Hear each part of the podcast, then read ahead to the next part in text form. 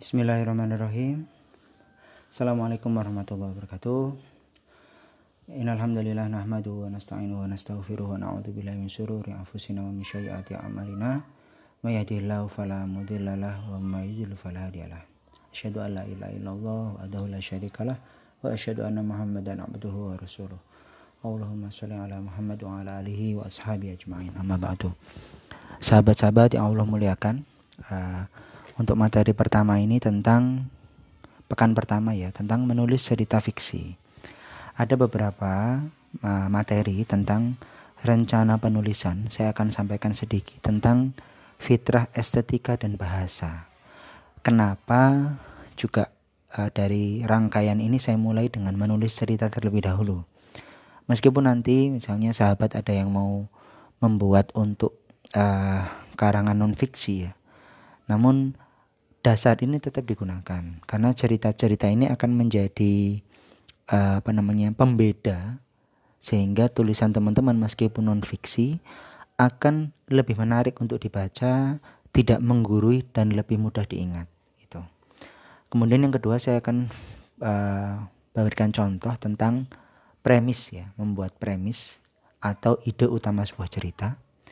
Berikutnya mendesain twist atau hal-hal atau konflik atau sesuatu yang tidak terduga ya keseimbangan antara fakta dan imajinasi ya.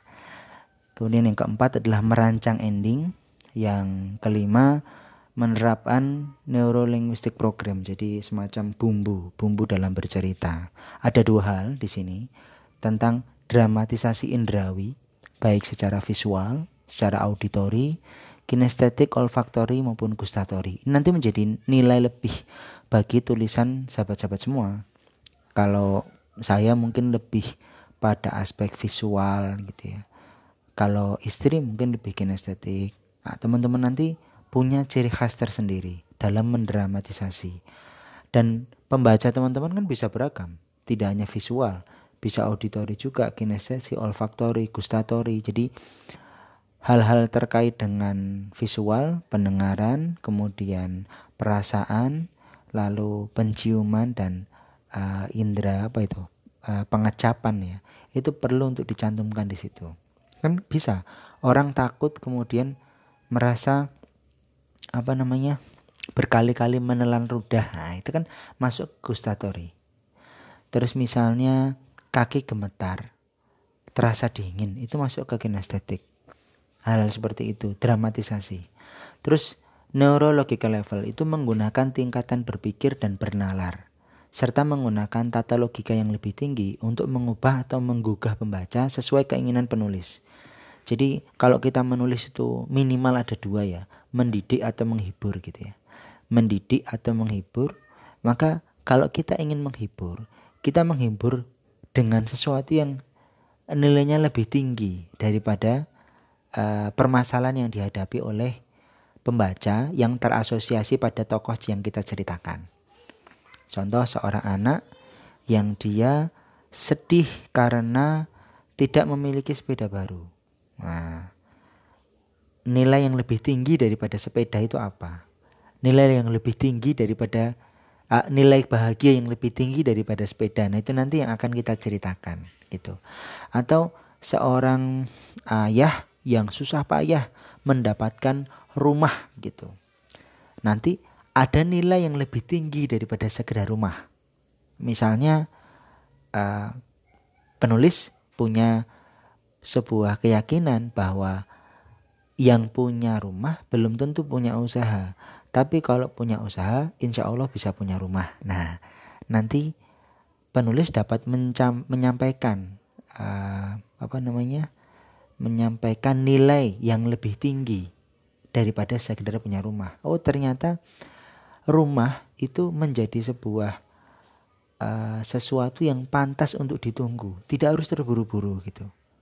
Ada hal-hal yang harus kita persiapkan dengan baik. Kapan nanti kita punya rumah yang baik, rumah yang seperti apa? Oh, ternyata ada yang namanya SOHO, small office, home office. Bentuknya bagaimana itu? Nah, hal-hal seperti itu kan nanti akan mendapatkan nilai yang lebih tinggi. Oh, ternyata saya buat rumah tangga. Jadi rumahnya itu tingkat. Kenapa? Namanya juga rumah tangga. Berarti ada rumah sama ada tangga kan gitu. Nah, itu nilai yang bisa apa namanya dimasukkan gitu. Ternyata bagian bawah itu adalah public space, semua orang bisa melihat. Nah, tetangga apa bisa masuk gitu ya. Jadi tetap terbuka, tapi ada ruang private ketika naik ke atas. Nah, itu adalah ruang private. Nanti naik ke atas lagi ada ruang aib. Nah, ruang aib itu segala suatu cucian apa yang tidak pantas dilihat di apa ruang publik juga menyesakkan ketika disampaikan di ruang privasi taruh di ruang aib. Nanti kalau udah dilepetin bersih baru masuk ke kamar-kamar kita, ke ruang keluarga. Contohnya begitu. Itu yang saya desain di rumah saya. Oke, kira-kira begitu ya. Nah, kemudian Pertama saya sampaikan tentang fitrah estetika dan bahasa. Fitrah ini menurut Syekh Muhammad Naqib Al-Atas yang dimaksud fitrah adalah innately predisposed to know God and to do good. Sebuah sifat pembawaan yang Allah install. Ya, Allah install ke dalam diri kita untuk mengenal Allah dan berbuat baik. Jadi semua rangkaian menulis yang ada di klub menulis Arif itu, itu arahnya ke sini. Ini yang membedakan uh, klub menulis Arif dengan klub menulis yang lain. Nah, begitu. Jadi fokus uh, Arif adalah pada fitrah. Bagaimana kita menulis itu menjadi implementasi menumbuhkan fitrah baik bagi orang tua maupun bagi ananda. Karena Fitrah itu sesuatu yang akan membuat kita mengenal Allah dan berbuat baik gitu. Di sini ada dua hal ya, estetika dan bahasa. Saya mulai dari bahasa dulu. Bahasa itu ciri peradaban dan cara kita berkomunikasi. Kalau sahabat-sahabat ingat bagaimana Raja Zulkarnain ya, pergi ke arah timur, pergi ke arah barat, di arah timur itu dia mendapat eh, ke arah timur dia mendapati sebuah kaum yang tidak memiliki penutup ya tidak memiliki rumah tidak memiliki pelindung dan mereka hampir tidak dapat memahami perkataan manusia.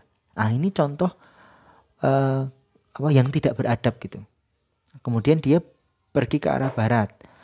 Dia mendapati di sana orang yang susah payah menghadapi sekelompok Yajuk dan Wajuk, Yajuk dan Majuk. Kemudian Raja Zulkarnain membangunkan untuknya benteng yang tidak tertembus. Nah, ini kan menunjukkan adalah sebuah ciri peradaban dan cara berkomunikasi. Ciri dan cara. Ciri peradaban dan cara berkomunikasi. Maka kemudian saya mengerti bahwa semakin baik uh, bahasa seseorang itu semakin beradab juga seseorang itu. Kenapa Rasulullah SAW pada masa awal-awal itu di apa itu diasuh oleh uh, Halimatus Sa'diyah di Bani apa ya Bani apa itu? Uh, Bani Sa'diyah ya saya lupa jadi malah jadi lupa ya. Di itu diasuh oleh Halimatus Sa'diyah agar bahasanya itu baik. Dan ketika bahasa ini baik maka uh, apa itu namanya atau bahasa sastra ya kelembutan itu terjaga ya. Itu akan membuat seseorang itu mengerti dan mudah menerima apa-apa yang baik, ya kan? To know God and to do good. Masih ingat ceritanya Umar bin Khattab ketika melihat uh, adiknya Fatimah membaca Al-Quran, ya, membaca Al-Quran surat Toha ya, kemudian diminta, mana aku pengen baca. Kata Fatimah, tidak boleh. Lembaran ini suci dan kamu penuh najis. Wudhu dulu, bersuci dulu. Umar Khattab mandi, ya bersuci. Kemudian diserahkan lembaran itu setelah Umar berjanji untuk tidak merobeknya. Ketika baca, nah ini kan bahasa, bahasa dari Allah, ya. Itu bukan soal Ka'ab Khabbab bin Al-Ard karena dia sembunyi di balik tirai. Bukan karena Fatimah, bukan karena Zaid bin Zaid. Tapi uh, suaminya Fatimah. Tapi karena bahasa itu loh. Uh. Apa kata kata Umar bin Khattab? Yang mengatakan ini bukan manusia gitu. Kebayang gak sih? Nah, bahasa itu to know God untuk mengenal Allah and to do good untuk me melakukan perbuatan baik. Maka kemudian Khabbab bin Al-Aryan keluar. Ya Umar, berbahagialah. Sesungguhnya aku mendengar Rasulullah SAW berdoa Ya Allah kuatkanlah Islam dari sat, eh, dengan satu dari dua Umar. Rasulullah berdoa kan dengan Umar bin Hisham atau Umar bin Khattab. Umar bin Hisham itu si itu uh, Abu Jahal atau Umar bin Khattab. Nah, semoga engkaulah yang dipilih oleh Allah itu. Oh ini ini ini apa ya? Uh, sesuatu yang istimewa gitu, sesuatu yang istimewa. Karena emang bahasa itu sebenarnya tidak hanya bahasa tulis, tidak hanya bahasa lisan, juga bahasa isyarat, bahasa simbol, bahasa cinta ya kemarin ada kata-kata, ada waktu, waktu bisa jadi bahasa loh. Ah, menarik kan? Sentuhan bisa jadi bahasa. Oh, banyak banget bahasa itu. Jadi ketika kita belajar tentang fitrah, estetika dan bahasa, sebenarnya kita tuh belajar untuk mencintai, belajar untuk mengenali isyarat, belajar untuk menuliskan, mengungkapkan perasaan, belajar untuk berkata dengan cara yang baik kepada orang lain, kepada diri sendiri, kepada orang tua dan seterusnya. Jadi um, apa klub menulis ini saya ikhtiarkan bukan sebatas untuk uh, bikin kelas seperti yang lain. Saya sudah ikut berbagai macam kelas, tapi saya pengen uh, nilai fitrah ini menjadi ciri khas ciri khas dari setiap tulisan yang kita buat. Bahwa bahasa yang kita sampaikan dalam tulisan-tulisan itu adalah bahasa dengan berbagai macam cara. Ya lisan, ya tulis, ya isyarat, ya simbol, ya cinta, dan seterusnya. Dan bahasa yang kita sampaikan, yang kita tulis adalah merupakan ciri peradaban dan cara kita berkomunikasi. Endingnya adalah atau bermuara di mana? To know God and to do good. Begitu. Ya banyak kan bahasa di sekitar kita, bahasa alam. Bahasa alam ini begitu indah meskipun kita tidak bisa mendengarnya langsung. Kucing yang mengeong, manja begitu ya. Kelinci yang menjerit, ya, kelinci tempat saya itu menjerit-jerit ada apa itu? Kerbau yang mengelenguh di sawah kita dengar ya. Burung-burung yang berkeciap. Nah, daun-daun yang bergeser tertiup angin. Itu bahasa-bahasa. Kan ada apa namanya? hal-hal yang meskipun uh, misalnya uh, langit, langit bisa berkomunikasi dengan kita. Kapan dia mendung, kapan dia muncul petir, kapan ketika angin itu sepoi-sepoi, kapan angin ribut, itu bahasa. Nah, bagaimana kita mengenali bahasa itu? Eh, sepertinya ini mau turun hujan. Hmm, berarti saya bawa mantel. Oh, ini sepertinya apa namanya cuacanya terik ini. Agar saya tidak uh, pusing, jadi kalau di jalan saya pakai kacamata karena saya ada silinder misalnya gitu. Itu kemampuan kita untuk membaca. Istri bilang, "Mau makan apa, Mi?" Terserah. Uh, gimana kalau makan ayam? Oh, kemarin udah makan ayam. Gimana kalau makan ikan? Oh, ikan amis lah, nggak mau. Ya udah mau makan apa? Terserah. Kan bingung ini. Ini sebenarnya mau minta apa ini? Mau ditawarin nggak mau. Ditanya terserah bingung nah itu kan bahasa wah itu, ini cara untuk mengenali bahasa ini memang susah sekali nah ini kita belajar gitu kan saya juga masih belajar gitu kan. Nah, makanya saya ini dari penul apa dari para penulis ya dari para peserta saya juga pengen belajar gitu. Keindahan atau bahasa-bahasa gitu ya bahasa cinta bahasa isyarat bahasa tulis apa pun lah yang tidak tidak apa ya yang mungkin tidak bisa diungkapkan nah, tidak cukup ya tidak cukup atau tidak ada satupun kata yang menggambarkan itu kan. Nah saya pengen belajar dari situ oke? okay?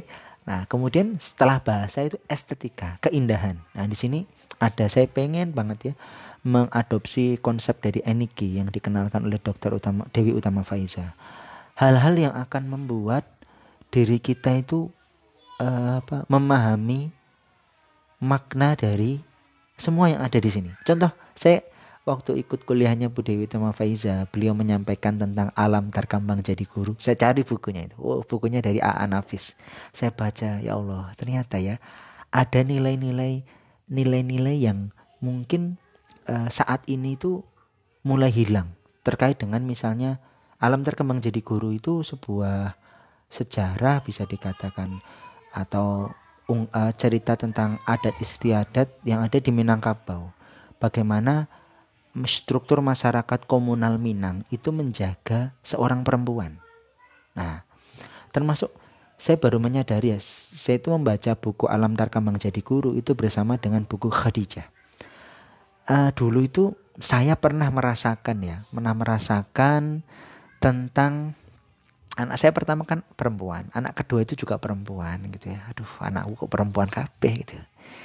Nanti sama seperti Rasulullah SAW itu kan anaknya perempuan semua gitu ya. Aduh, saudara juga ada yang anaknya itu perempuan semua. Emang kenapa sih kalau anaknya perempuan semua itu?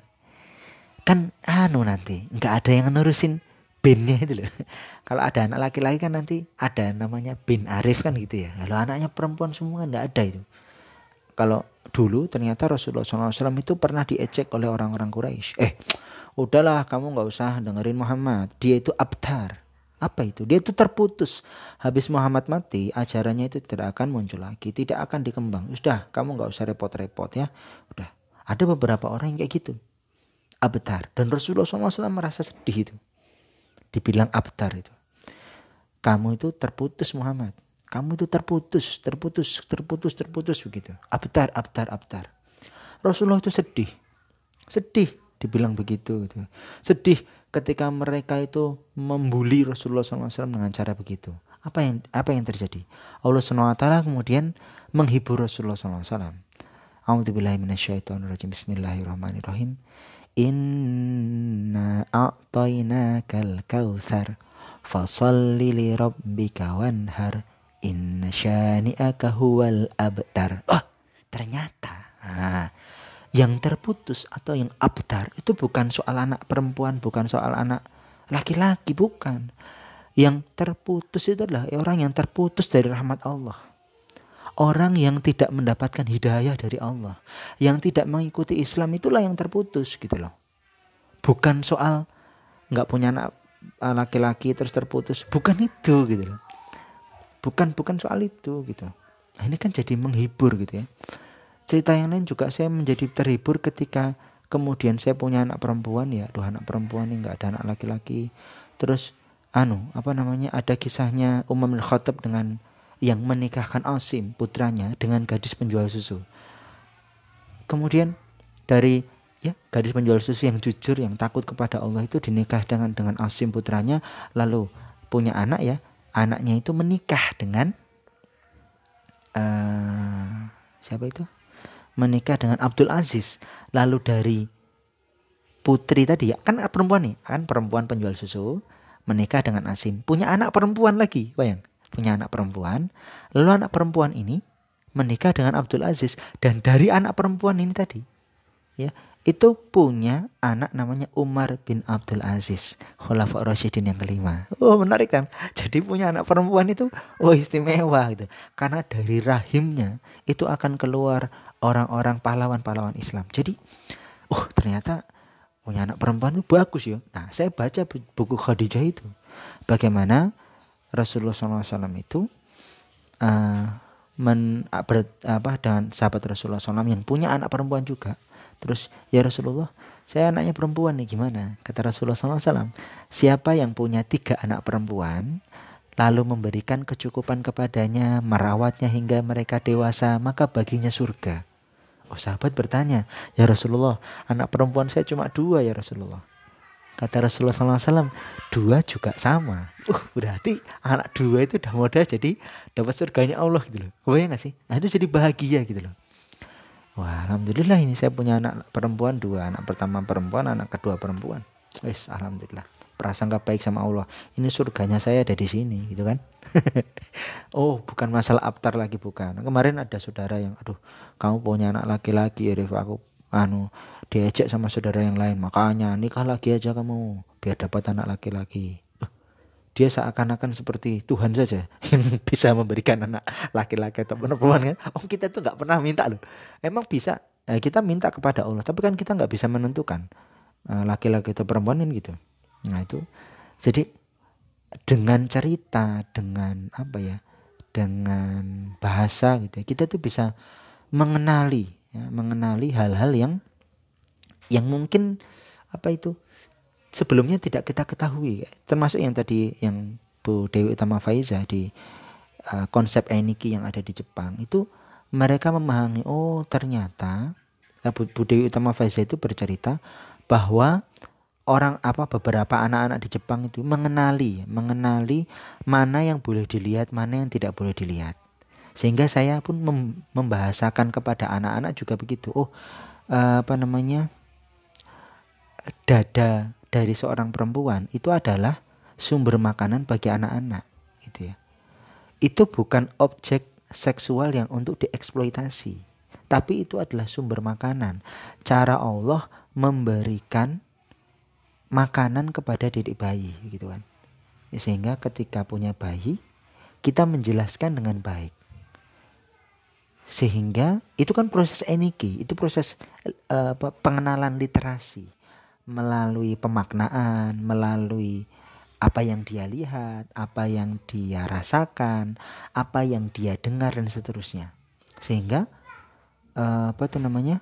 seorang anak itu tidak melihat apa dada perempuan itu sebagai objek yang dieksploitasi tapi merupakan sesuatu yang dilindungi sesuatu yang dihormati gitu karena itu adalah uh, apa cara Allah SWT memberikan makan bagi anak keturunan berikutnya begitu. Itu contoh. Terus keindahan-keindahan atau estetika itu juga Allah sampaikan di Al-Quran kan? Di Quran surat Ali Imran ayat 14 itu Allah SWT menyampaikan dijadikan indah. Nah ini, dijadikan indah pada pandangan manusia kecintaan terhadap wanita, terhadap anak-anak, terhadap sawah ladang, harta perniagaan, emas dan seterusnya hewan ternak begitu.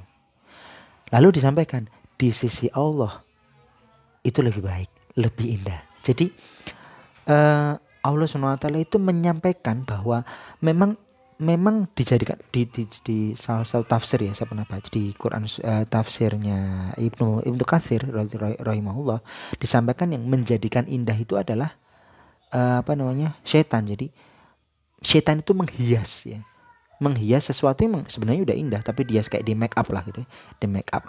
Sehingga muncul lebih indah lebih apa. Padahal sebenarnya keindahan itu juga ada pada hal-hal yang hak. Contoh gini di luar sana ada wanita yang terlihat indah di make up ya oleh uh, setan gitu ya. Padahal keindahan misalnya keindahan dada, keindahan paha dari wanita yang di luar sana itu sebenarnya ada dalam uh, dalam keluarga kita atau dalam uh, istri kita gitu. Dan kalau kita mengeluarkan syahwat kita pada istri kita itu berpahala di sisi Allah. Kan ada sahabat bertanya, "Ya Rasulullah, masa sih kita mendatangi istri kita dapat pahala?"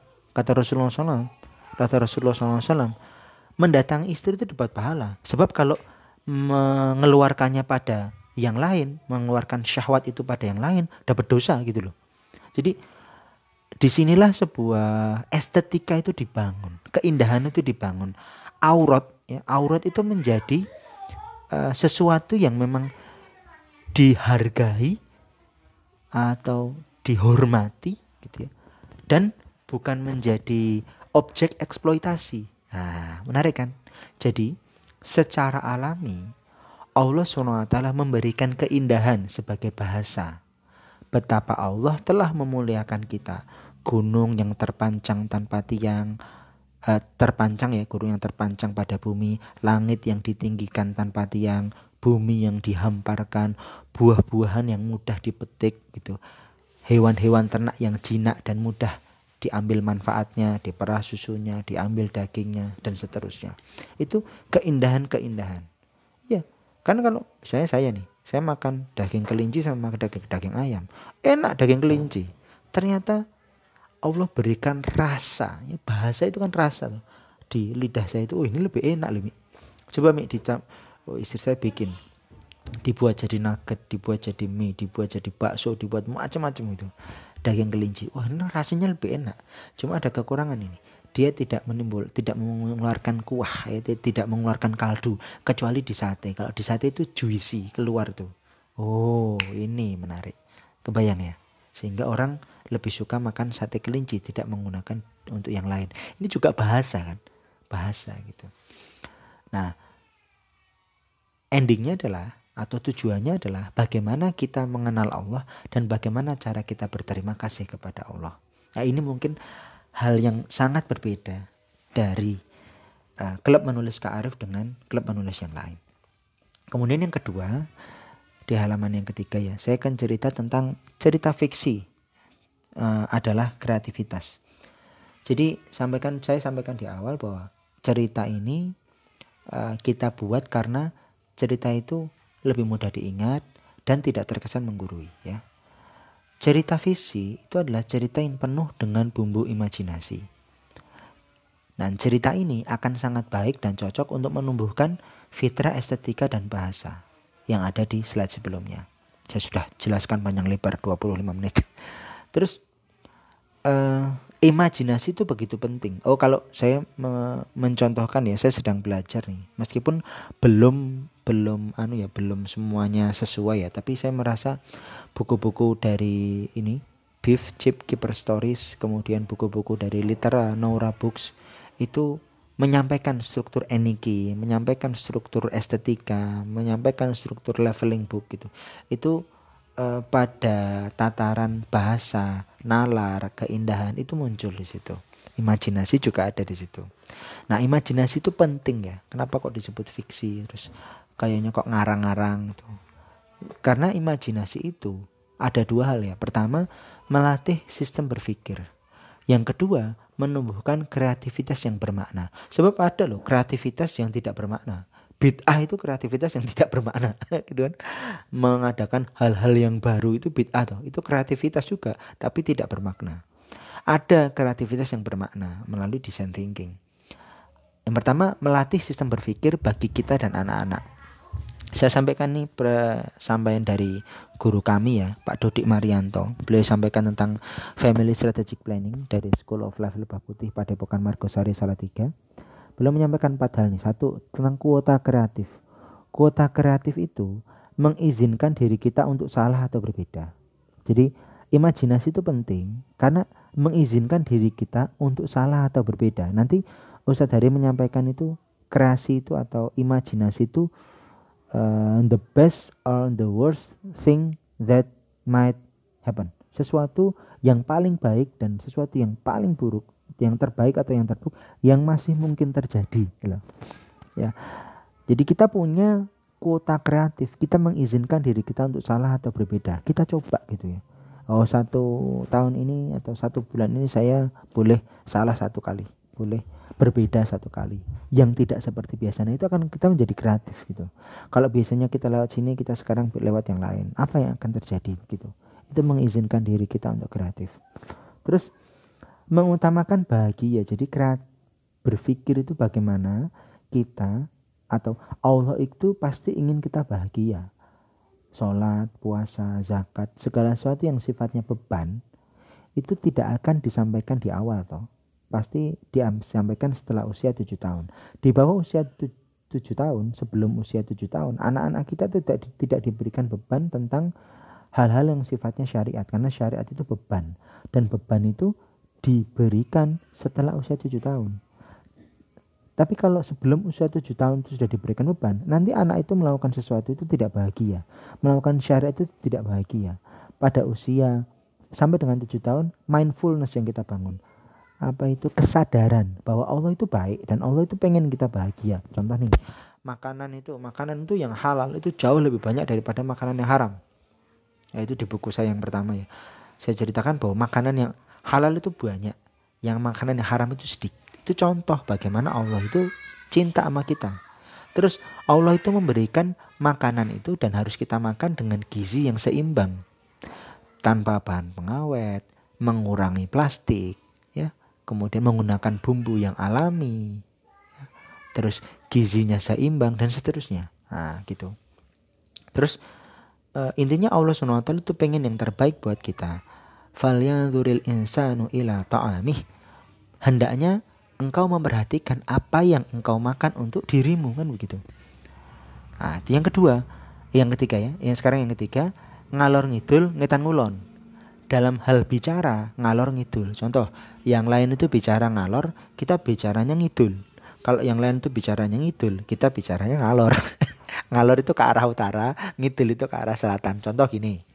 Teman-teman ya, teman-teman lagi bicara bahwa wah ini gimana sih? Ini contoh yang sedang saya alami. Contoh uh, bagaimana agar sebentar bagaimana agar eh, anak-anak uh, itu eh bagaimana agar anak-anak itu lepas dari HP gitu kan yang lain ya dengan memberikan hmm, apa itu namanya ya intinya gini kalau yang lain di sekitar sini ya pakai HP ya nggak apa-apa lah bebas. Kalau saya jangan jangan bebas. Saya berikan alternatif yang lain agar mereka tidak main HP apa itu? Ya dengan kelinci misalnya dengan ayam dengan mainan-mainan saya sewakan apa itu namanya? Sewakan sawah agar mereka bisa aktivitas di situ. Sehingga mereka bergerak mereka merasakan mereka berkeringat ya. Mereka merasakan apa-apa yang tidak mereka yang tidak didapat oleh teman-teman yang lain. Meskipun anak-anak saya anak-anak saya terlihat aneh karena sekolah di rumah ya. Kami pakai sekolah uh, kurikulumnya di lebah putih eh apa di ini Sayugya dan ini mau masuk di lebah putih. Nah, saya berikan contoh gitu ya bahwa dede atau kakak memang berbeda dengan teman-teman yang lain. Nggak apa-apa gitu. Kalian berbicara dengan cara berbicara kalian berbeda dengan cara yang lain. Tidak apa-apa gitu. Termasuk juga ngetan ngulonnya kalau yang lain itu sibuk tentang bagaimana apa namanya kemarin itu tahun baruan gitu ya. Oh kita jangan kita yang lain gitu ya. kita persiapan buat didik bayi gitu. Terus apalagi ya mungkin kalau ngalor ngidul ngetan oh laku ini misalnya. Teman-teman di bisnis gitu ya teman-teman di bisnis itu bicara tentang bahwa aduh apotek nih sekarang kemungkinan tidak akan bisa jual obat keras tanpa resep dokter gitu terus jualannya sama seperti yang ada di warung terus channel distribusinya akan dikuasai oleh PSCF pelaksana sarana elektronik farmasi semua bicara dan mengeluh. Nah, saya belajar, saya ceritakan kepada keluarga. Ini teman-teman ayah itu pada ngeluh. Lalu ayah tanggapi dengan cara begini. Saya bilang, oh teman-teman ini bisa pakai uh, tiga strategi generic porter. Untuk resep dokter karena memang nggak ada resep ya sudah. Kita pakai low cost leadership. Yang kedua untuk obat-obat warung kita pakai diferensiasi. Untuk obat-obat yang ada dijual di PSF kita pakainya uh, fokus saya jelaskan. Saya, saya ceritakan gitu. Jadi nggak perlu pakai harus nunggu undang-undang kita bisa mengambil sebuah tindakan yang menyelamatkan bisnis kita. Kira-kira begitu. Itu contoh apa yang saya lakukan saya ceritakan kepada anak-anak ini uh, teman-teman ayah ini ya pada kepo loh kenapa kok ayah beternak kelinci gitu ya ada juga teman-teman ayah yang pada kepo kenapa ayah bikin penerbitan buku. Saya ceritakan gitu ke anak-anak. Bahwa yang lain itu bicara untuk buka cabang-cabang apotek. Kalau ayah nggak bikin cabang apotek. Kalau yang lain itu repot bagaimana meningkatkan omset. Ayah tidak sibuk meningkatkan omset. Karena bagi ayah customer engagement itu yang lebih besar. Kalau yang lain tuh bagaimana cara agar uh, membeli lebih banyak? Kalau ayah enggak. Bagaimana mereka itu pulang yang penting dapat nasihat. Enggak selalu dapat obat. Dan ayah tidak pernah merasa khawatir ketika jam bukanya saya ayah kurangi ayah jadi lebih banyak waktu dengan kalian. Dan ternyata apotek tetap aja beroperasi dan menghasilkan keuntungan. Saya ceritakan itu. Itu kan melatih sistem berpikir gitu itu imajinasi the first and the best and the worst gitu. Terus menumbuhkan kreativitas yang bermakna. Saya ajak ke anak-anak itu untuk berempati dan peduli atas sesuatu. Contoh tentang sampah nih ya. Oh sampah itu di mana-mana. 500 rupiah aja dapat sampah. Gimana kalau misalnya kalian nggak jajan, bikin beraneka makan makanan, tak beliin bahan baku. Oh di rumah saya itu tiada hari tanpa bikin kue. bikin kue. Tiap hari bikin kue. Anak-anak udah bisa bikin sendiri gitu. Makan sendiri. Akar masalahnya di mana sih? Akar masalahnya itu kamu lapar kan? Kamu kamu belajar di rumah. Kamu nggak bisa apa namanya? Nggak bisa mikir kalau lapar. Udah kamu harus selalu ada makanan di rumah. Dan kalau selalu ada makanan di rumah ya kamu akan mengurangi jajan. Ayah lebih hemat ya. Ayah nggak akan uh, marahi kamu karena kamu jajan terus gitu. Terus kamu juga nyaman karena ada makanan enak di rumah dan ternyata harganya lebih murah gitu dan dengan begitu kita bisa mengurangi sampah loh. Oh, kan enak itu. Semuanya enak. Kamu enak, ayah enak, alam juga enak. Nah, pedagang gimana? Pedagang kan tetap dibeli bahan bakunya mereka juga nggak akan marah gitu mereka juga tetap enak gitu tetap untung kok gitu solusi tidak jajan solusi mengurangi sampah gitu kan solusinya benar-benar berdampak termasuk kalau saya suruh anak-anak beli bahan baku itu plastiknya bawa sendiri dari rumah diketawain sama oh mas bawa plastik segala gitu dari rumah. Oh iya. Memang kami mengurangi sampah. Bahkan kalau di rumah ada plastik saya bawa ke warung nih mbak. Mak pak gitu. ini apa plastiknya di sini sudah dibersihkan bisa digunakan lagi? Oh ya terima kasih. Kan itu kira-kira begitu. Contoh. Nah itu disampaikan di buku saya yang kedua. Tapi belum jadi. Terus uh, imajinasi dan bohong. Ada sebagian orang tua yang melarang dongeng karena itu cerita bohong tidak nyata nah saya sampaikan di sini bahwa imajinasi itu tidak sama dengan berbohong. Ya. Imajinasi itu the best or the worst thing that might happen. Sesuatu yang masih mungkin untuk terjadi kok. Baik yang buruk ataupun yang terbaik ataupun yang terburuk gitu. Dan imaji positif itu FBA ya, Fitra Based Education, artinya adalah kesan, pengalaman, perasaan, dan pemikiran yang positif. Ustadz dari Santosa itu menyampaikan tentang bahwa setiap anak itu memiliki sense of aesthetic, rasa keindahan, menyukai keindahan serta keharmonisan. Apresiasi dan ekspresi atas keindahan itu muncul dalam tiga hal nih, seni, kesusastraan, dan arsitektur. Nah, saya ini cerita saya sendiri ya. Saya merasakan bahwa ketika saya dulu di asrama Salman, ketika saya tinggal di Salman, saya tuh merasakan bahwa ekosistem atau lingkungan Salman itu memberikan kepada saya tiga hal ini. Seni ada Pak Ahmad Sadali. Sastra ada Bang Imat. Arsitektur ada Pak apa Sulaiman TM Sulaiman. Masya Allah. Tiga hal ini ada di sini Ekspresi keindahan ya. Itu muncul di situ. Ada seninya, ada sastranya, ada arsitektur. Meskipun saya nggak kenal langsung sama Bang Imat ya. Cuma saya membaca, saya mendengarkan cerita itu kok memang begitu ya. Makna la ilaha illallah la ma'budu bil haqqi illallah yang disampaikan oleh Pak Samsu Basarudin itu dalam sekali itu ya. ternyata dalam sekali itu. Dan bagaimana kita berkata tidak wah itu kuat sekali itu. Saya merasakan sendiri sam, sekarang itu bagaimana bagaimana besar kekuatan untuk berkata tidak. Banyak sekali orang yang tidak mampu berkata tidak. Jadi meskipun itu ya LMD ataupun SBT yang Bang Adrian Nurusfi uh, kalimat pertama itu kan la ilaha illallah. Kalimat tidak itu begitu istimewa gitu. Bagaimana kita berkata tidak tidak. Semua orang bilang oh kalau apotek itu harusnya omsetnya gede. Saya bilang tidak. Hmm, saya bikin sendiri.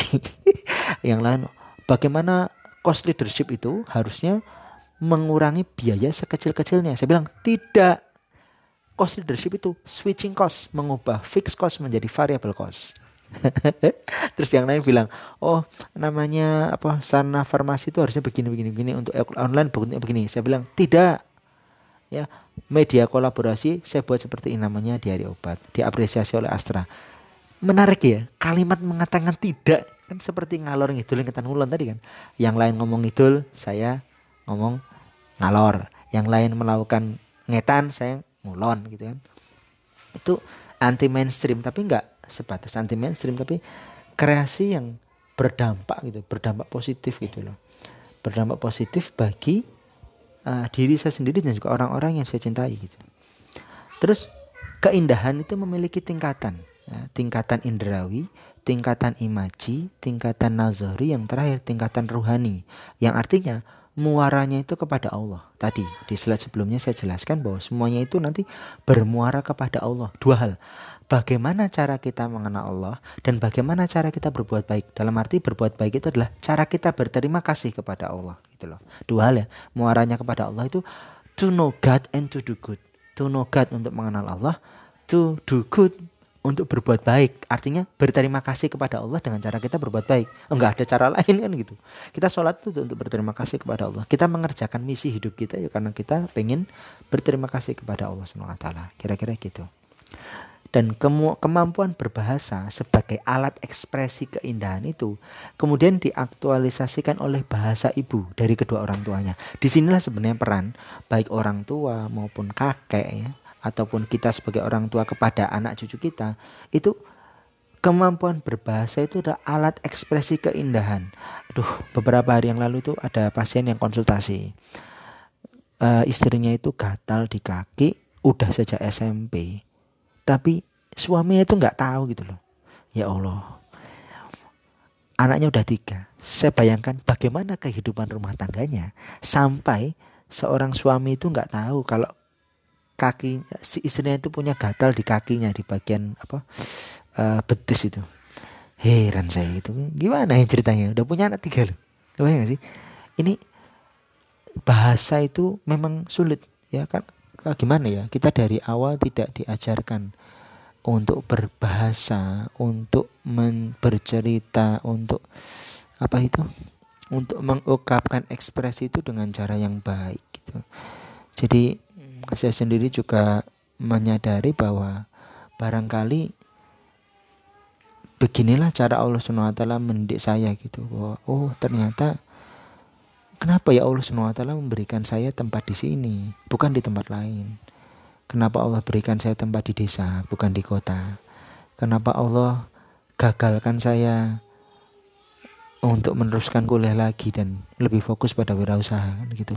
Itu bahasa-bahasa yang Allah SWT komunikasikan, tapi kadang-kadang apa ya tidak bisa diterima dalam saat itu. Kalau mengerti sekarang ya kalau mengingat kembali masa-masa sebelumnya itu ya saya menyesal kenapa saya pernah berprasangka buruk kepada Allah gitu ya oh atas atas semua ikhtiar atas semua doa doa itu kenapa nggak diambil ya kemarin anak saya itu tanya gitu ya emang apa kenapa sih doa nggak dikabulkan gitu anak saya Asu itu nanya kayak gitu saya tuh nangis ya gimana saya menjawabnya ya gitu.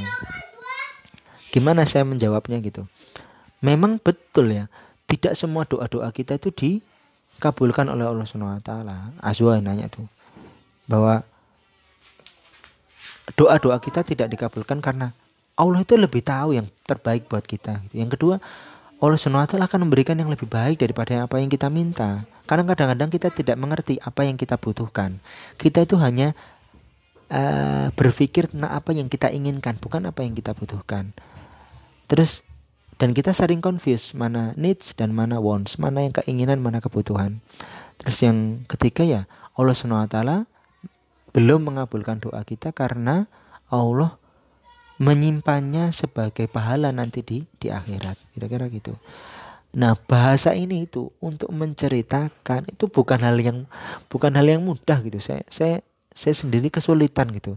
Kadang-kadang bahkan ya setelah sebuah aktivitas terjadi, saya menuliskannya, ya, baru kemudian saya memahami, oh, di sinilah saya bisa memasukkan nilai keimanan. Di sinilah saya bisa memasukkan nilai nilai-nilai apa keteladanan. Baru saya ulangi, gitu loh.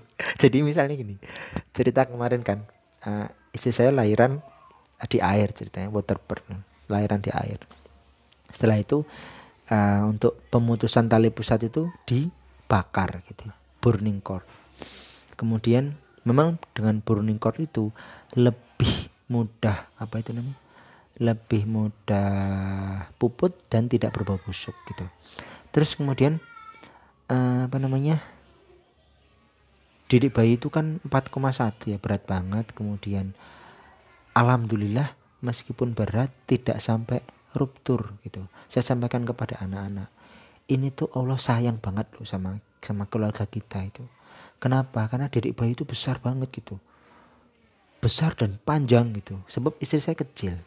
Saya itu kecil. Dan anaknya itu besar semua.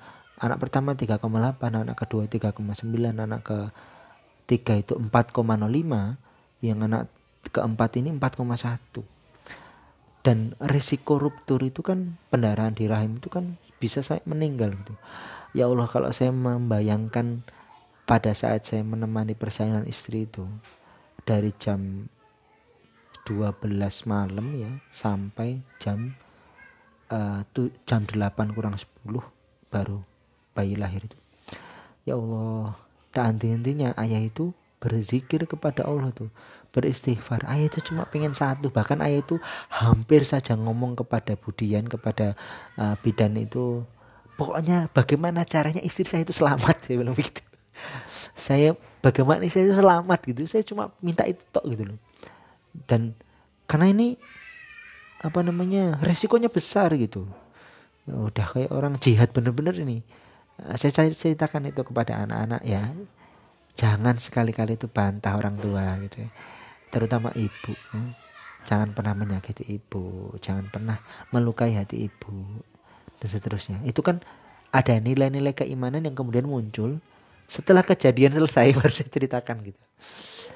Di tempat lain juga misalnya ikut berenang nih berenang itu airnya tumpah-tumpah banyak banget gitu setelah selesai barulah saya sampai rumah saya ceritain tadi itu airnya itu banyak berenang padahal di Syam, di Suriah, di Somalia, di Bosnia mereka itu kekurangan air. Kita ini zolim kalau kita berenang di situ, menikmati kayak gitu. Terus gimana ya? Eh, gimana?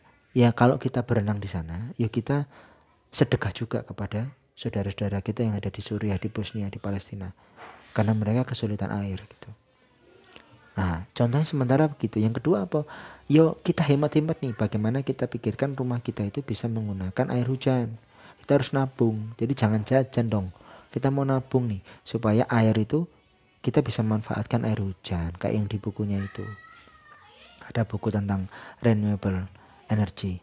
Contoh begitu itu kan hal-hal yang apa namanya hal yang kemudian muncul setelah terjadi gitu kan. Jadi uh, imajinasi itu bukan hanya ketika sedang sedang karena gini pada saat sedang terjadi sesuatu atau kejadian fakta itu kadang-kadang kita itu nggak bisa berpikir jernih itu. Lagi me, apa, mem, bersama istri bersama otaknya nggak bisa ini nggak bisa apa karena fokusnya ke yang lain ketakutan dan seterusnya kan. Tapi setelah selesai barulah kita bicara tentang hikmah kan begitu. Jadi nanti pada saat sahabat-sahabat menulis ya tentang suatu fakta jangan ragu untuk menambahkan imajinasi di situ. Contoh, ketika saya nulis tentang Turi dan kompos kesayangannya itu. Turi dan kompos kesayangannya, itu ceritanya ada seorang anak bernama Turi yang dia itu punya kompos, eh punya bunga-bunga. Terus Turi tanya sama ibunya, Bu, bagaimana cara agar bunga-bunga saya tumbuh subur? Kata ibu, kata bunda, Oh berikan kompos. Kompos itu apa? Kompos itu adalah pembusukan semua bahan yang pernah hidup. Jadi semua bahan yang pernah hidup lalu mati dan membusuk itu namanya kompos. Nah, dipakailah semua barang-barang yang daun-daunan apa dikumpulkan sama turi jadi kompos. Nah, kemudian disampahkan itu. Lalu muncullah lalat di situ. Oh, lalat tuh kok di situ? Iya, dia suka sama sampah. Dia suka sama sisa-sisa makanan, sesuatu yang bau, sesuatu yang kotor dan busuk. Oh, Turi bilang, dia mengambil beberapa bunga diletakkan di sekitar keranjang sampah itu. Tapi lalat itu sama sekali tidak mau mendekati si bunga-bunga itu. Turi bilang kepada ayah dan ibu, Ya, bu, ini gimana sih lalat itu? Bodoh banget dia. Lalat ini sulit diberitahu loh bahwa bunga itu lebih indah, lebih bagus daripada sampah. Kenapa sih mereka lebih suka sampah daripada lalat? Eh, lebih suka sampah daripada bunga. Ini lalat ini bodoh banget ya pinter dong kayak si lebah itu. Lebah kan pinter. Dia menyukai madu, menyukai bunga yang indah, yang bagus, yang bersih dibandingkan dengan lalat gitu. Terus si ayah bilang, Turi sayangku, masing-masing sudah diberikan ilham oleh Allah SWT. Ya, sesuatu yang menurut kita baik belum tentu baik menurut orang lain. Ya, menurut Turi, menurut Turi, si Lalat itu bodoh karena dia tidak menyukai bunga sebagaimana lebah-lebah itu. Padahal Turi,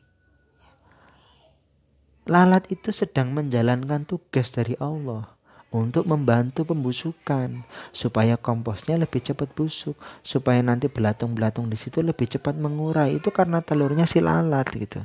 Jadi lalat itu pinter, dia mengikuti perintah Allah, bukan perintahnya Turi.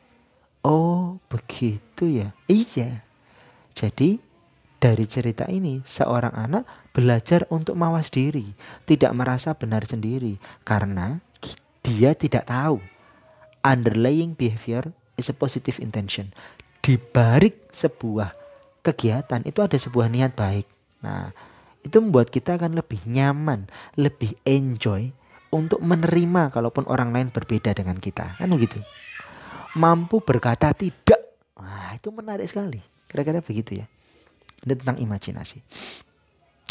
Kemudian uh, yang halaman kelima. Menulis cerita atau kisah. Di sini saya sampaikan perbedaan cerita dan kisah. Cerita itu bahasa Inggrisnya story. Kalau kisah itu bahasa Inggrisnya tale. Jadi ternyata saya juga baru tahu ya bahwa kisah itu berbeda dengan cerita. Kalau kisah itu bercerita tentang hal yang nyata atau riwayat atau fiktif. Tapi kalau cerita itu sesuatu yang nyata. Contoh, ayah bercerita tentang Nabi Muhammad SAW yang berkisah tentang riwayat Bani Israel yang selamat dari Fir'aun. Nah, terus kisah itu sendiri ada beberapa tahapan. Ada fable, ada dongeng atau fairy tales, ada mitos, ada legenda, ada cerita rakyat atau folk tales. Jadi uh, kisah itu lebih beragam, cerita itu lebih sempit gitu.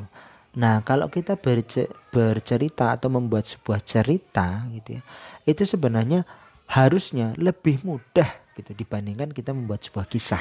Karena kalau kisah itu uh, sisi imajinasinya akan lebih banyak dan kita bisa masukkan sisi-sisi imajinasi itu sebenarnya untuk memperkaya cerita yang kita buat gitu. Nah, kenapa bercerita dan berkisah menjadi metode dasar dalam menulis? Karena dua hal ini akan membantu kita lebih mudah diingat tulisan kita, pesan-pesan kita. Yang kedua, tidak terkesan menggurui ya. Karena kemudian tulisan non fiksi pun akan menjadi lebih menarik bila disampaikan dengan gaya bercerita. Itu. Lalu empat unsur cerita. Ada empat unsur cerita. Yang pertama itu tentang premis. Yang kedua twist atau alur uh, konflik alur uh, yang mengejutkan. Lalu yang ketiga ending atau penyelesaian. Yang keempat adalah dramatisasi atau logika. Ini merupakan bumbu cerita. Saya beri contoh satu persatu. Pertama gini, premis. Premis itu ide utama atau dasar atau acuan dalam menulis cerita. Nah, tiga unsur premis itu siapa, apa masalahnya dan bagaimana penyelesaiannya. Gini, kenapa sih kok harus ada ide utama dasar acuan dalam menulis cerita? Supaya cerita kita itu fokus dari awal sampai akhir tidak melebar ke mana-mana tidak terharu biru tidak nangis-nangis tidak apa tidak baper gitu ya karena jelas gitu dari awal sampai akhir siapa apa masalahnya dan bagaimana penyelesaiannya. Itu unsur premis. Dan ini akan membuat kerangka tulisan kita itu lebih fokus selesai. Tidak menggantung tidak apa itu namanya? Kalaupun kita mau bikin menggantung dalam arti dibuat berseri itu juga lebih menarik. Karena satu masalah itu selesai. Satu masalah selesai satu masalah selesai satu masalah selesai gitu. One bite one bite gitu. Uh, kita mengambil satu demi satu sedikit demi sedikit itu. Ini contoh Runa merasa takut saat masuk gua Belanda. Lalu dia menemukan cara agar lebih berani. Titik. Dalam tanda kurung ada kakek yang mengajarkan cara agar Luna lebih berani. Di sini ada kan cara agar lebih berani. Bagaimana cara agar lebih berani itu? Bisa di karena dia sendiri, tapi di sini ada masukan unsur ada kakek itu yang mengajarkan cara agar Runa lebih berani. Contoh yang lain, Rita kecil benci dengan teman laki-laki yang sok jagoan. Dia bertengkar dan dipanggil oleh guru wali kelas. Rita lalu memahami makna peribahasa anak pola bapak keperadah. Kemudian dia belajar dari ayah untuk ridho dan menerima kenakalan anak lain. Jadi uh, premis itu apa uh, acuan cerita dari awal sampai udah jelas kan. Runa merasa takut masuk ke Belanda lalu dia menemukan cara agar berani titik. Nah, di sini tuh sudah clear. Uh, ada Runa yang merasa takut lalu dia merumakan cara agar lebih berani. Selesai. Dia udah nggak takut lagi Rita kecil itu benci dengan temannya yang nah, ini bisa juga sih sebenarnya paling bagus ya satu kalimat ya tapi kalau mau dibuat dua kalimat kayak gini ya boleh yang penting ya satu paragraf dan tidak terlalu banyak Rita kecil benci dengan teman laki-laki yang sok jagoan. Dia bertengkar dan dipanggil oleh guru wali kelas. Ini bisa disingkat. Misalnya gini Rita kecil bertengkar. Lalu dia memahami makna peribahasa anak polak bapak keperadah dan dia belajar dari ayah untuk ridho serta menerima kenakalan anak lain. Kan bisa? Nah, bebas. Intinya itu mau dibuat singkat jadi lebih ini. Kalau ini kan saya lebih saya lebih ungkapkan lebih banyak gitu. Karena benci dengan taman laki-laki yang sejagoan terus dia bertengkar dan dipanggil. Saya ceritakan alurnya. Lalu kemudian?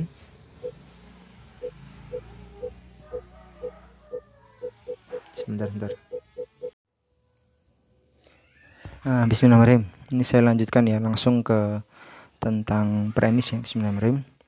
Premis itu adalah ide utama atau dasar atau acuan dalam menulis cerita ada tiga unsur premis siapa apa masalahnya dan bagaimana penyelesaiannya contoh begini Runa merasa takut saat masuk gua Belanda Lalu dia menemukan cara agar lebih berani. Ada kakek yang mengajarkan cara agar Runa lebih berani. Di sini tuh sudah selesai satu kalimat. Runa merasa takut. Siapa Runa? Apa masalahnya? Dia merasa takut. Ngapain? Merasa takut saat masuk gua Belanda. Lalu dia menemukan cara agar lebih berani. Ini penyelesaiannya. Cara agar lebih berani. Nah, bisa dengan dirinya sendiri atau di sini saya masukkan unsur ada kakek yang mengajarkan cara Runa lebih berani. Gitu. Ya, bisa seperti ini. Atau dia bisa menemukan cara dia sendiri untuk lebih berani juga boleh. Tapi ini kan selesai, satu cerita. Terus Rita kecil benci dengan teman laki-laki yang sok jagoan. Dia bertengkar dan dipanggil oleh guru wali kelas. Rita lalu memahami makna peribahasa anak polak bapak kepradah. Kemudian dia belajar dari ayah untuk ridho dan menerima kenakalan anak lain.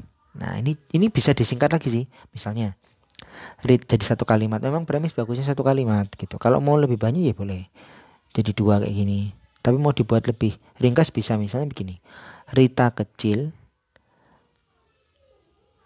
uh, Rita kecil bertengkar dan uh, Rita kecil bertengkar sehingga orang tuanya dipanggil oleh guru. Koma Rita kemudian atau uh, gimana tadi? Rita Rita kecil bertengkar sehingga orang tuanya dipanggil oleh guru wali kelas. Kemudian Rita memahami makna peribahasa anak bola para bapak keprada dan berjanji kepada ayah untuk ridho serta menerima kenakalan anak lain boleh kayak gitu atau ini nomor tiga Dea sedih saat mendapati para pasien yang mengalami drug relating problem, permasalahan terkait dengan obat. Kemudian Dea mengerti bagaimana agar para pasien hidup lebih sehat tanpa tergantung pada obat. Nah, selesai. Zafir enggan makan sayur. Jadi sembelit. Di, sehingga dia jadi sembelit, jadi bunda ini nggak anu keliru ini. Zafir enggan makan sayur sehingga sembelit. Jadi Bunda Bunda Arum membuatkan aneka makanan dan kudapan berbahan dasar sayur dan buah. Zafir lebih bahagia. Gitu bisa. Dibuat jadi satu kalimat boleh. Intinya siapa masalahnya? Oh yang bermasalah adalah dia. Apa masalahnya? Masalahnya dia sedih. Kenapa dia sedih? Mendapati pasien yang mengalami masalah dengan obatnya. Lalu apa yang dia lakukan? Dia mengerti bagaimana agar pasien lebih hidup lebih sehat tanpa tergantung pada obat. Mungkin dengan cara-cara tertentu. Nah, gitu kan. Terus Zafir enggan makan sahur. Siapa yang masalahnya? Zafir. Zafir atau bunda? Dua-duanya bermasalah kan itu. Zafirnya bermasalah, bundanya juga bermasalah dengan Zafir karena Zafir nggak mau makan sayur. Terus bagaimana atau bagaimana penyelesaiannya? Ya akhirnya Bunda Arum membuatkan aneka makanan dan kudapan berbahan dasar sayur dan buah. Kira-kira begitu. Bayangin ya, jadi premis itu begini. Lalu membuat twist ya. Alur cerita, twist itu apa? Alur, alur cerita yang memberikan elemen unik khas yang sifatnya tidak terduga atau berbeda dengan arah cerita. Maksudnya arah ceritanya tadi. Ngalor tiba-tiba ngidul. Ngulon tiba-tiba ngetan. Gitu. Sesuatu yang awalnya itu begini, lurus, tiba-tiba berubah. Atau sesuatu yang sebenarnya hampir sama tapi dia mengalami beberapa beberapa gerakan dinamis kayak orang pivot itu main basket nah, dia bergerak bertumpu pada satu fakta, tapi kemudian ada fakta-fakta lain yang tersembunyi, yang muncul tiba-tiba. Tiba-tiba si tokoh utama itu punya kekuatan khusus itu, misalnya ternyata ada apa, itu fakta-fakta yang dibangun dari cerita-cerita sebelumnya atau eh, hal-hal uh, yang secara logika masih masuk. Contoh, ternyata si apa namanya si tokoh utama itu eh, tokoh utama sedang menghadapi masalah dengan keluarganya gitu ya ternyata dulu dia juga mengalami masalah yang sama dengan uh, ayahnya atau keluarganya dulu ayah ibunya mengalami masalah yang sama ketika bertengkar dan sekarang dia belajar untuk mengatasi pertengkaran itu dengan tetap berbicara uh, berbicara tentang anak-anaknya berbicara tentang hal yang lain di luar masalah utamanya jadi dia dulu belajar bahwa mengatasi konflik di keluarga itu dengan cara yang baik. Maka cara apa apa yang dia lihat dari sebelumnya mengatasi konflik itu dia terapkan pada keluarganya sekarang. Itu bisa dibuat kayak gitu. Itu kan sesuatu fakta yang muncul atau masih masuk logika karena dia dulu pernah mengalami mendapati orang tuanya menyelesaikan masalah dengan cara itu. Itu. Terus plot twist dilakukan dengan mengkreasi atau mengimajinasikan kejadian atau berbagai fakta yang telah ada sebelumnya sehingga membaca terkejut, tidak mengira atau tidak menduga bahwa ceritanya itu begitu.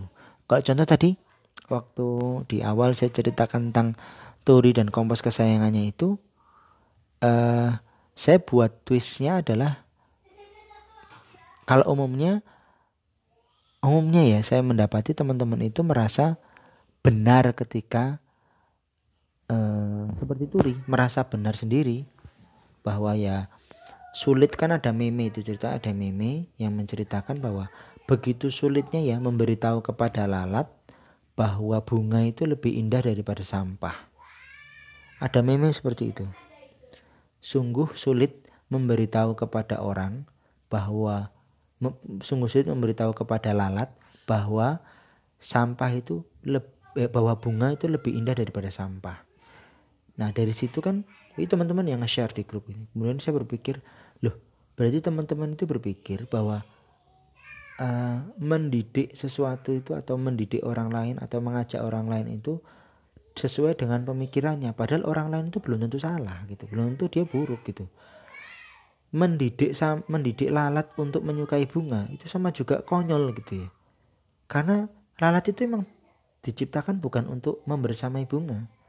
Lalat itu diciptakan Allah untuk membersamai sampah gitu. Jadi untuk apa? Kita menjelaskan berbusa-busa menjelaskan orang-orang yang memang tidak mau mengikuti jalan Tuhannya gitu loh. Kan repot tuh ya gak sih? Jadi saya melihat kondisi teman-teman begitu saya buat tulisannya gitu ya. Agar kita mawas diri underlying every behavior is a positive intention. Jangan berprasangka buruk dulu. Seseorang itu punya alasan. Alasan itu yang kita cari. Alasan itu yang kita gali gitu.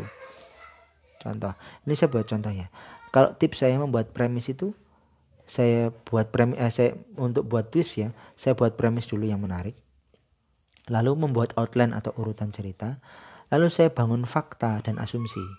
Fakta itu apa yang saya terja yang terjadi sebenarnya.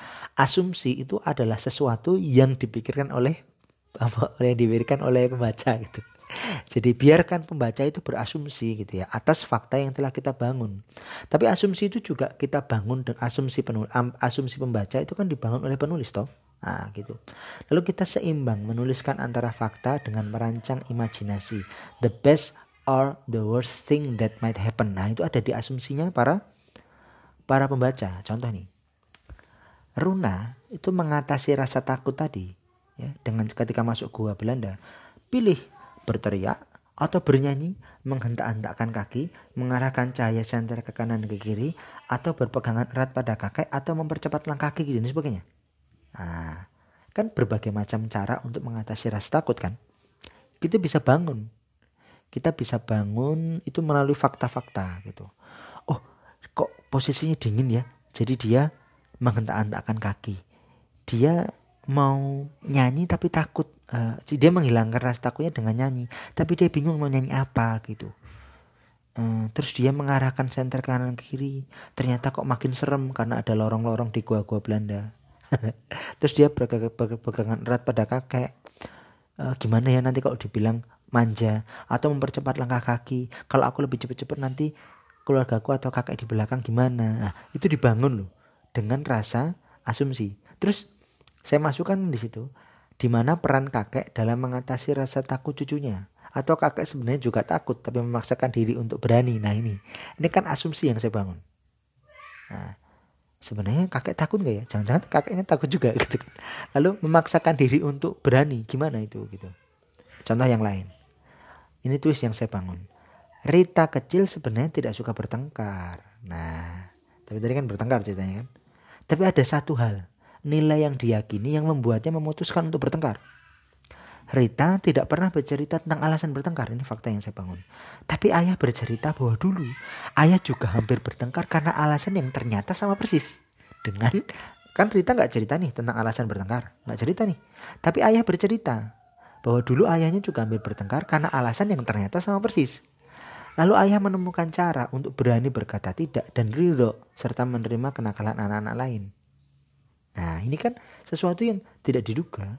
Terus oh ternyata ada kata kalimat berkata tidak. Kira-kira apa ya? Kenapa saya ingin memasukkan kalimat kata tidak itu? Tidak bertengkar. Kayak disampaikan kalau ada yang mengajakmu bertengkar pada saat puasa, katakan apa? Maaf, saya sedang berpuasa. Ah kan? Ini soim, ini soim. Saya lagi puasa. Itu kan berani berkata tidak itu. Ridho, wis lah, kamu nakal silahkan. Saya soim, saya menahan diri. kan gitu. Itu apa namanya dikembangkan banyak ceritanya. Ini kan kita belum tahu apa cerita Rita kenapa suka bertengkar kan gitu. Terus ending. Ini saya tuh bingung ya menceritakan ending gimana. Jadi coba saya sampaikan beberapa ending-ending yang bagi saya menarik. Ini semua saya ambil dari ceritanya Terelie jadi ending itu ada beberapa macam teman-teman.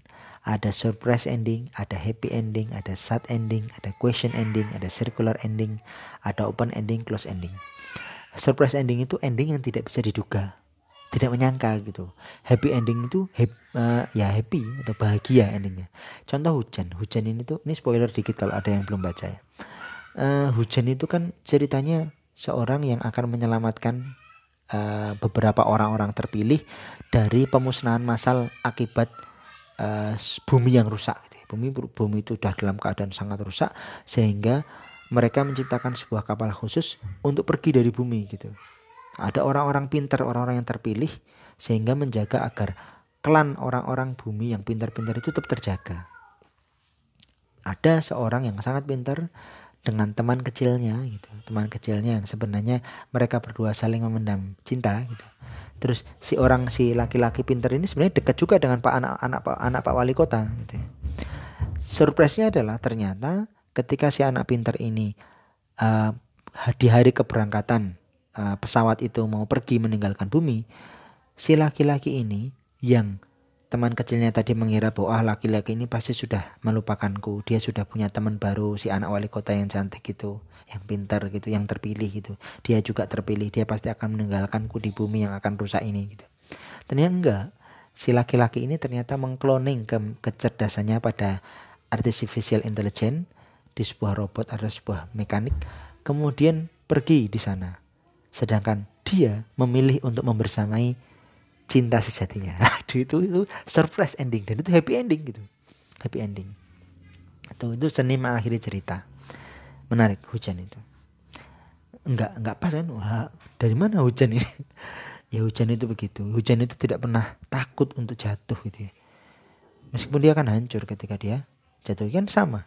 Si laki-laki itu tidak pernah takut untuk menerima takdirnya. Meskipun dia tahu dia akan hancur, tapi dia membersamai kekasihnya karena itu adalah takdirnya gitu. Ceritanya begitu. Terus sad ending, sad ending itu ending yang sedih. Ya aduh, teman-teman bisa baca ini bukunya tentang tentang kamu dan janji. Ini dua-duanya dari Terelie ya. Ini dari awal sampai akhir kayaknya menyedihkan semua ini.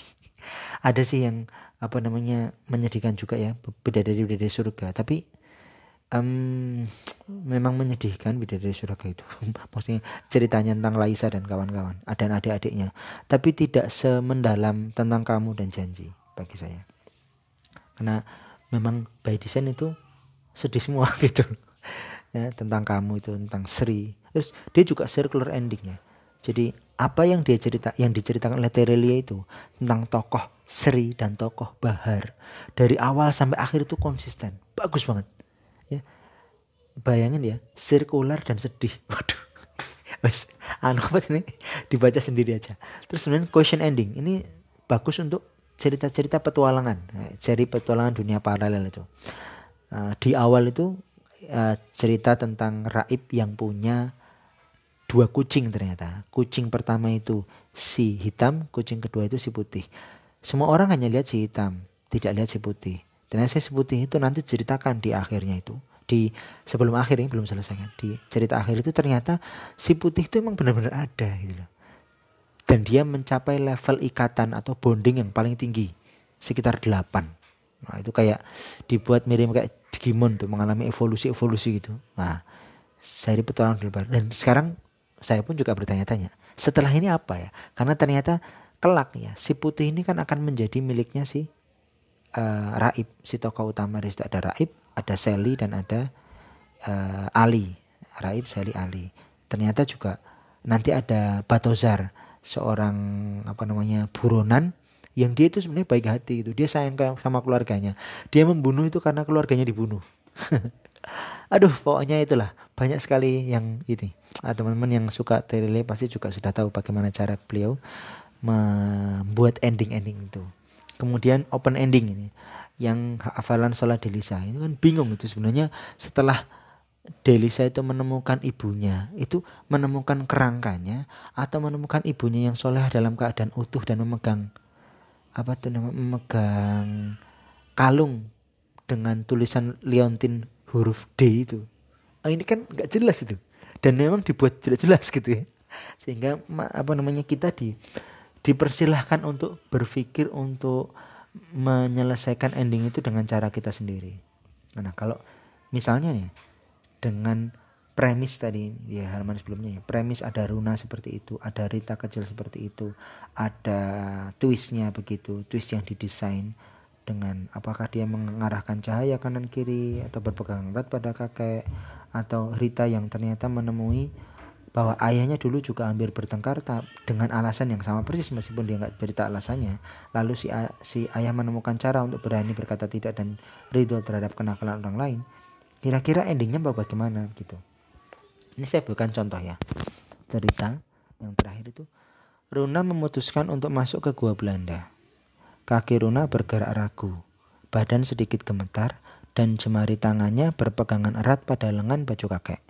Oh ternyata saya ambil berpegangan erat pada baju kakek. Ini fakta. Apa yang terjadi ketika dia berpegangan erat pada baju kakek? Si kakek bisa membaca. Jangan takut, ada akung di sini, kata kakek. Suasana di gua begitu gelap, dingin dan lembab. Ini masuk mana nih? Indrawi ya. Dingin, lembab, gelap, ya, visual ada, dingin kinestetik, lembab itu apa gustatori, olfaktori, diciumkan lembab gitu. Kemudian sunyi, sunyi itu apa? In, apa pendengaran ya. Runa bisa mendengar deru nafas saking sunyinya. Runa bisa mendengar deru nafas dan langkah kaki mereka. Cahaya senter menerangi dinding kanan dan kiri. Saya ambil tadi fakta ini. Ada lorong-lorong gelap yang tempat menyimpan tanda tanya dan rahasia. Runa bertanya, kakek kok berani sih? Tadi saya bangun plotnya kan. Plotnya adalah jangan-jangan kakek juga takut gitu.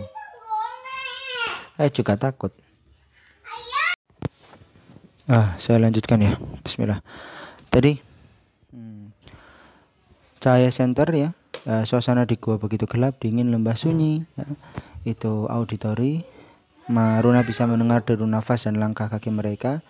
Cahaya senter menerangi dinding kanan kiri. Kakek kok berani sih? Begitu kan. Jangan-jangan kakek juga takut gitu kan. Saya masukkan di sana tadi. Ini uh, fakta dan asumsi yang saya bangun. Eh, siapa bilang kakek awalnya juga takut? Ini membangun raport antara kakek dan Runa bahwa kalau kakek bilang oh kakek berani dong kakek gitu itu kan yang muncul adalah apa namanya muncul adalah jarak ya, jarak antara kakek dengan cucunya. Tapi di sini itu yang muncul adalah jarak. Kan begitu ya umumnya kakek dengan cucu itu tidak dekat ya. Nah twist yang saya bangun di sini adalah bahwa kakek dengan cucunya itu dekat. Eh siapa bilang? Kakek awalnya juga takut. Oh sama ya. Kakek awalnya juga takut. Terus Kenapa kok kakek tidak takut lagi? Kira-kira begitu asumsi yang saya bangun. Tapi kemudian kakek merasakan hadirnya Allah di sini. Ini dramatisasi dari segi rohani. Jadi kakek sekarang merasa lebih berani. Oh ya, di mana kakek merasakan Allah? Kan begitu. Pertanyaannya. Ini saya juga membangun uh, twist. Kakek Agung menghentikan langkahnya, berjongkok di tumitnya, dan maksud nggak berjongkok di tumitnya itu. Jadi tumit itu sampai di uh, pantatnya, gitu ya, berjongkok di tumitnya dan memegang lembut jemari tangan Runa. Di tengah gua yang gelap, kakek menggerakkan tangan Runa ke mulut dan turun ke dada kakek. Allah ada di sini dan di sini. Lisan kakek berzikir, maka hati kakek menjadi tenang. Kata kakek tersenyum. Nah, jadi umumnya kalau uh, apa namanya uh, twist ya, yang umum kan endingnya itu adalah ya berteriak kayak mempercepat langkah atau apa tapi ini saya membangun membangun uh, twistnya itu bahwa kakek juga takut kok gitu. Cuma kakek merasakan hadirnya Allah. Caranya gimana? Dengan di sini dan di sini. Saya munculkan itu kakek menggerakkan tangan Runa ke mulut dan turun ke kakek beda dengan kalimat gini. Ah kakek juga takut tapi kemudian kakek berzikir. Titik. Itu tidak dramatis ya tidak dramatis tidak masuk ke logika anak-anak. Ya logika anak-anak itu sebenarnya sederhana. Apa itu? Uh, fitrah keimanan pada anak-anak usia 0 sampai 7 itu kan memang betul-betul imaji.